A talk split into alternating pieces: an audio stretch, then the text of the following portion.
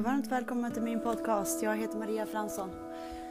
Jag har varit ute och sprungit och det liksom bara kom hur många podcastar som helst som jag ville prata om. Men nu är jag framme för jag vill inte stanna.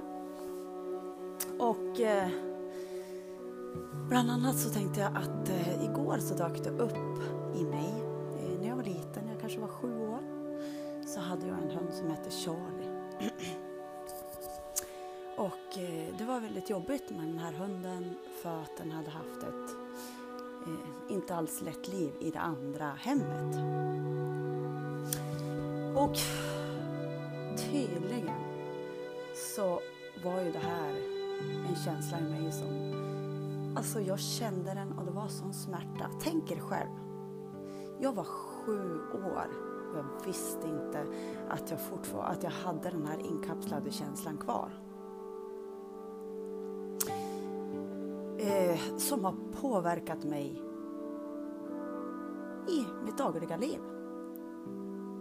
Det, det, är så. Det är därför när jag jobbar med folk, eh, har man inte tillräckligt med pengar så får man det mycket billigare i den form man kan betala med. För att pengarinflöde, det är samma sak. Eh, det är jättemycket känslor som kan stå i vägen för att pengarna ska kunna flöda in. Lågt självförtroende, lågt självvärde.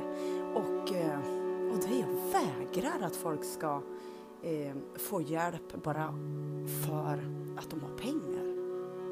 Så därför så anpassar jag mina kunder verkligen med.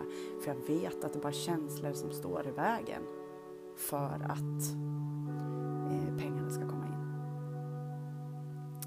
Som i mitt fall, det dök upp min hund Charlie.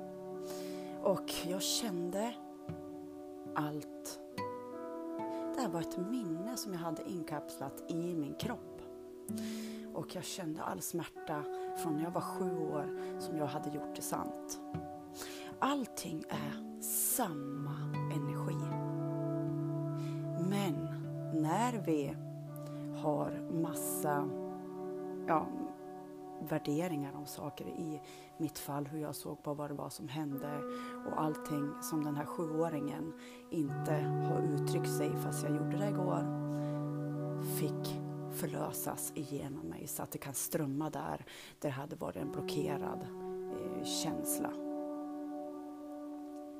Eh, sen så här vid juletid så dyker det ju upp minnen och allting så här. Allra helst som min mamma, vad hon fick gå igenom. Och hon, jag tackar det högre alltså, att hur mycket hjälp jag har fått eftersom jag jobbar med hälsa och stöd i alla möjliga former eh, från vänner och eller jag har en riktig, riktig vän och henne kan man säga vad som helst till för hon vet ju hon vet ju bara okej okay, eh, eh, okej okay, hon tar ansvar för det som känns i henne och jag tar ansvar för vad som känns i mig. Så därför kan vi vara vänner. Ja, men i alla fall. Min mamma, och det, det är liksom också, hon öppnade väl vägen, alla mina frågor som jag haft. Eh, allting, för hennes doktor sa det att, eh, ja men kolla på hennes dosett. Det är det här som får henne att leva. Och jag hade kunnat varit där själv eftersom jag vet allt som är jobbigt behöver vi känna. Eh, annars blir det blockerat. Och tar man då en medicin för det och så gör man det igen, då hindrar man den själsliga ut utvecklingen. Det är därför sådana som jag finns, som gått igenom allt, allt möjligt och jobbar som energihealer och jobbar med energiblockeringar för att lösa upp dem så att det ska kunna kännas lättare och lättare i kroppen utan att vi ska ta den där medicinen. Och jag har ju också lättat på alla de där eh, hatet har jag lättat på för eh, det jag kände att hon inte fick någon hjälp. Men det var ju meningen att hon skulle gå den vägen och kanske öppna sig, att det skulle öppna sig för mig. Men, eh, men det, är ändå liksom, det är ändå sorg i det såklart fortfarande att eh, hade hon levt, om hon hade haft en energihealer som hjälpt henne att lösa upp hennes blockeringar, det är klart att tankarna går så. Eftersom jag vet ångest, okej, okay, ångest, är en klump i halsen, vi frigör den. Eh, massa olika psykiska sjukdomar. Okej, okay, gå och jorda er i skogen. Alltså...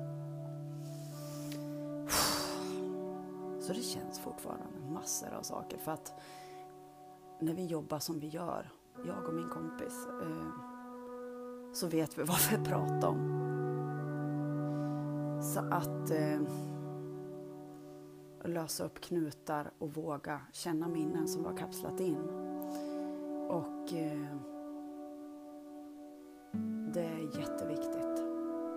Vägen till att må bra, det är ju genom att frigöra det som allt gammalt ur oss. Så det vill jag säga med den här korta stunden, med den här fantastiska stunden. Eh, nu hoppas jag ni firar en fantastisk, gudomlig jul eh, och se till att ni är snäll mot er själva och koppla av och ha det mysigt. Det önskar jag er. Men det kanske blir en, en, ett podcastavsnitt också imorgon. Så kram på er alla. Hejdå!